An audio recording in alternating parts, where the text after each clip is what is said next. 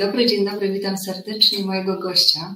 Po drugiej stronie Paulina Pająk, ginekolog i położnik, a temat naszego dzisiejszego spotkania to profilaktyka raka szyjki macicy i HPV. Cześć Paulina. Witam serdecznie. Właśnie, profilaktyka raka szyjki macicy i HPV. Zanim o tym powiemy, to y, krótko, standardowo w ogóle, y, co to jest HPV, rak szyjki macicy? Mhm. HPV to jest e, najczęściej przenoszona drogą płciową infekcja wirusowa, także wszystkie takie czynniki, które sprzyjają stosunkom seksualnym, tak naprawdę zwiększają ryzyko zakażenia, a tym samym rozwoju raka szyjki macicy, bo jest to główna przyczyna rozwoju raka szyjki macicy. Jesteś specjalistką w dziedzinie położnictwa i ginekologii. E, pracowałaś na oddziale położniczo-ginekologicznym Międzyleskiego Szpitala Specjalistycznego w Warszawie. E, również e, było Ciebie widać i słychać w szpitalu Pirogowa. W jakim jeszcze szpitalu byłaś? Mm, jeszcze pracowałam swego czasu w Staszowie, także jeszcze tych szpitali troszeczkę było i znowu zmieniam miejsce pracy y, i najprawdopodobniej będzie to szpital praski od września, także jakby dużo mnie dookoła. E, I również kształciłaś się za granicą, tam też tak, tak. doświadczyłaś. I Często w Twojej praktyce zdarza się, że są osoby chore e, na e, raka szyjki macicy na HPV? Na HPV tak, bardzo często. Zresztą szacuje się, że praktycznie każda aktywna seksualnie osoba młoda przechodzi infekcję HPV. Także jakby to jest nieuniknione y, na ten moment w naszym kraju. Natomiast jeśli chodzi bezpośrednio o raka szyjki macicy, to już nie. Jakby ta profilaktyka y, funkcjonuje całkiem dobrze. Także y, większość tych zmian jest wykrywana w tym momencie jeszcze przedinwazyjnym i, i możemy zapobiegać po prostu powstawaniu rak, raka szyjki macicy. A co zwiększa ryzyko zachorowania na HPV poza tym, że właśnie stały tryb E, aktualnego seksualnego życia, prawda? No, oczywiście wszystko, co z tym jest związane, czyli wczesna inicjacja seksualna, duża ilość partnerów seksualnych, również duża ilość porodów jest czynnikiem ryzyka powstawania raka szyjki macicy i zwiększonej infekcji wirusów HPV, niedostateczna higiena osobista, stany obniżonej odporności, czyli też stosowanie jakiejś immunosupresji, swego rodzaju predyspozycje również genetyczne, stosowanie niektórych środków antykoncepcyjnych i oczywiście palenie papierosów. Także tych czynników jest naprawdę dużo. Zdziwiłam się, że duża ilość porodów. Tak, tak, tak. Tego szczerze mówiąc nie wiem, tej przyczyny, e, w jaki sposób ona wpływa na, na zwiększoną e, infekcję. Myślę, że ciąża sama w sobie jest e, momentem, w którym jest obniżona odporność organizmu i możliwość zakażenia się wirusem jest wielokrotnie większa niż, niż jakby w okresie, kiedy tej ciąży nie ma. Także to przede wszystkim tutaj jest takim czynnikiem wpływającym na, na zwiększenie zakażenia wirusem HPV. A czy wirus HPV jest uleczalny? E, nie, nie mamy dotychczas takiego skutecznego leczenia na HPV. Całe to leczenie polega tak naprawdę na leczeniu następstw, które on wywołuje. Tak naprawdę Dlatego właśnie w przypadku kobiet bardzo istotne jest wykonywanie cytologii, czyli takiego badania wymazu z szyjki macicy, które nam pokazuje, e, czy jakieś zmiany śródnabłonkowe tej szyjki się pojawiają, e, dlatego że jedyne, co możemy zrobić tak naprawdę, jeżeli pojawią się jakieś zmiany w kierunku e, raka szyjki macicy, to jest leczenie zabiegowe na ten moment. Są oczywiście takie sposoby wspomagające e, walkę z infekcją, czyli e, istnieją takie kremy do pochwowy papilloker zawierające beta-glukan i kwas hialuronowy, jeszcze kilka tam innych składników, które potencjalnie mają wspomagać regenerację nabłonka i walkę z infekcją HPV. Oczywiście szczepienia na HPV odgrywają tutaj bardzo dużą rolę, nawet w momencie, kiedy już jest się zakażonym wirusem HPV, natomiast bezpośrednio takiego leczenia e, zwalczającego wirusa nie ma. I jak często trzeba robić szczepienie na HPV? E, wykonuje się raz w życiu. E, u osób dorosłych to są trzy dawki w takich odstępach 0,2-6 miesięcy. Niektóre miasta mają nawet dofinansowanie na to szpital. Tak, tak. W Warszawie też było swego czasu dofinansowanie dla dziewczynek i chłopców, także y, okresowo no już się skończyło na ten moment, ale okresowo takie dofinansowania występują. E, czy osoba, która była zaszczepiona, może mieć jakieś objawy wirusa HPV? Oczywiście ta szczepionka e, największa, Gardasil 9, ona jest skierowana tylko przeciwko dziewięciu szczepom, tak? te, które najczęściej w tym raku szyjki macicy się znajdują. Czyli to szczepienie nie daje pełnej ochrony przed wszystkimi wirusami, bo w ogóle wirusów HPV to jest ponad 200. Także ta ochrona jest oczywiście częściowa. To nie, nie zabezpiecza w 100% przed infekcją. A skąd w ogóle mogę wiedzieć, że mam wirusa HPV? Jakie są objawy? Większość zakażeń tak naprawdę przebiega bezobjawowo i ustępuje samoistnie. Większość ludzi tak naprawdę nie zdaje sobie w ogóle z tego sprawy, że jest zakażona wirusem HPV, co niestety sprawia to, że łatwiej przenosi się je na innych partnerów, tak? no bo nie jest się po prostu świadomym tego zakażenia. Także, także często e, tak naprawdę wirus HPV nie daje żadnych objawów. Dopiero objawy pojawiają się w momencie, e, kiedy pojawia się rak szyjki macicy, najczęściej zaawansowany. Czyli jeżeli ktoś ma, e, nie ma objawów, podaje dalej HPV. Mhm, dokładnie tak.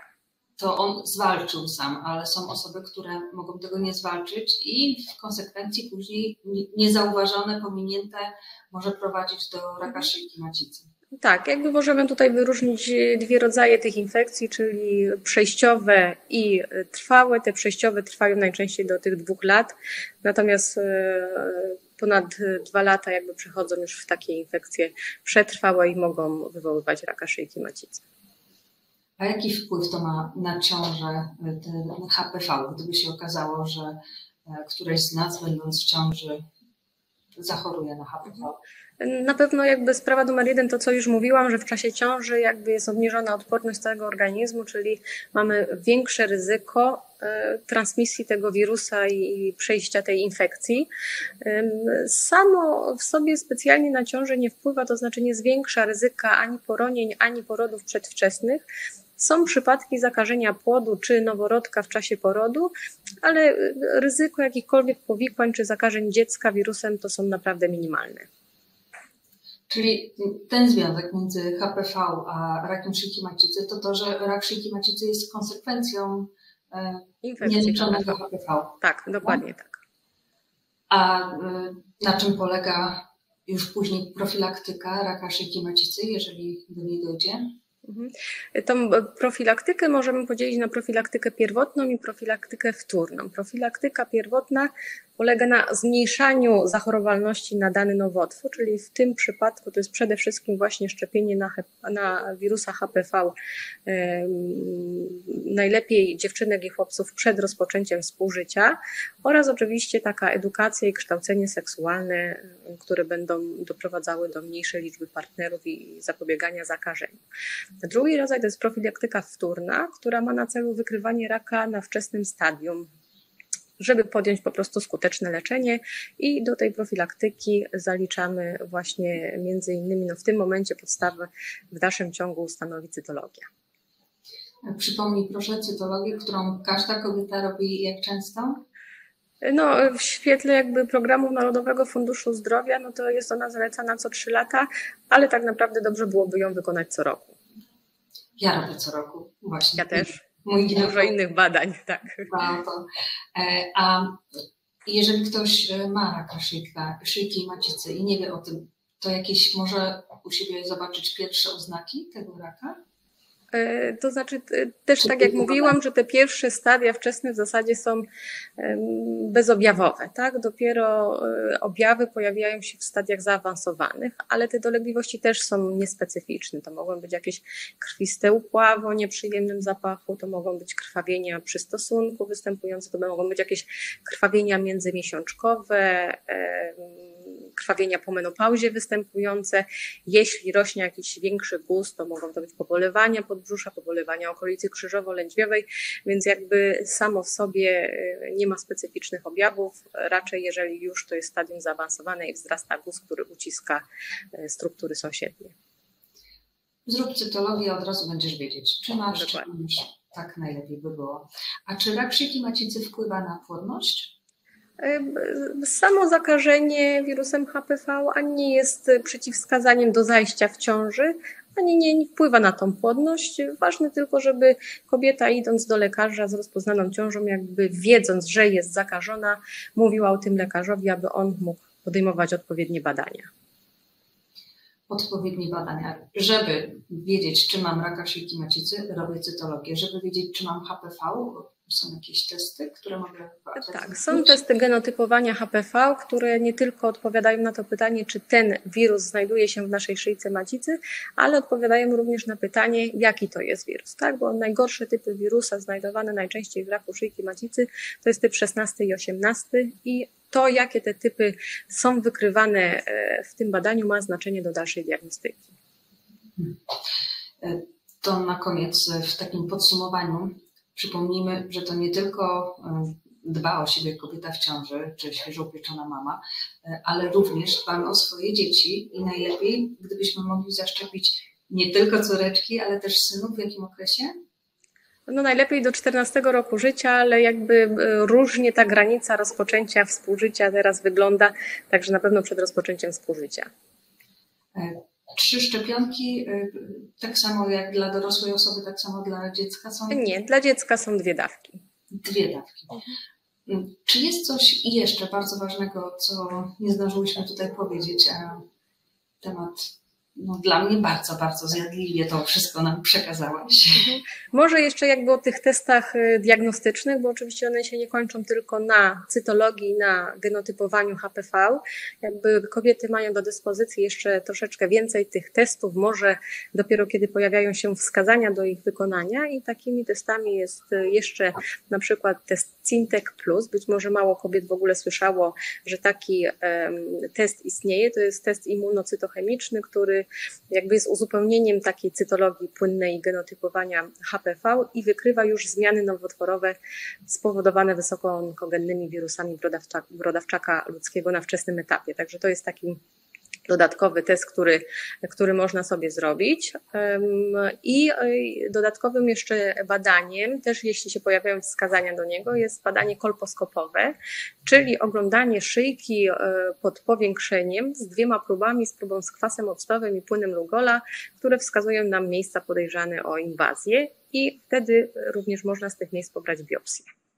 Mówiąc przy, cyty, przy cytologii, dobrze jest zrobić Cintex Plus, dobrze powiedziałam? E, to znaczy, to nie może przy samej e, cytologii. Tak, z cytologią takim najbardziej dokładnym e, i czułym badaniem jest wykonanie takiego co-testingu, czyli cytologii płynnej razem z genotypowaniem HPV 14 podstawowych typów onkogennych. To jakby spokojnie można razem sobie wykonywać, natomiast Cintex Plus już jest raczej takim badaniem dodatkowym, do którego istnieją wskazania w postaci na przykład, jeśli w tej cytologii wyjdą zmiany nieprawidłowe w postaci askusa czy elsida, czyli zmian śródnabłonkowych małego stopnia. Czy wychodzi prawidłowy wynik cytologii, a dodatnie wirusy HPV, czy gdzieś jest problem z postawieniem jednoznacznej diagnozy na podstawie tego badania cytologicznego taki dodatkowy, zaawansowany, czy to jest refundowane przez NFZ? Czy nie, nie. Prywatnie tutaj. Prywatnie, tak. To zaopatrzyć. Paulina, no nie, nie takie to wszystko straszne, żeby tylko pamiętać, dbać o siebie i zachowywać tą profilaktykę, e, by uniknąć raka szyjki macicy, by w porę e, tutaj przeciwdziałać HPV. Bardzo tak. dziękuję za, za to spotkanie, za tą Dziękuję serdecznie. Paulina Pająk, ginekolog położnik, dziękuję ślicznie. Dziękuję jeszcze raz.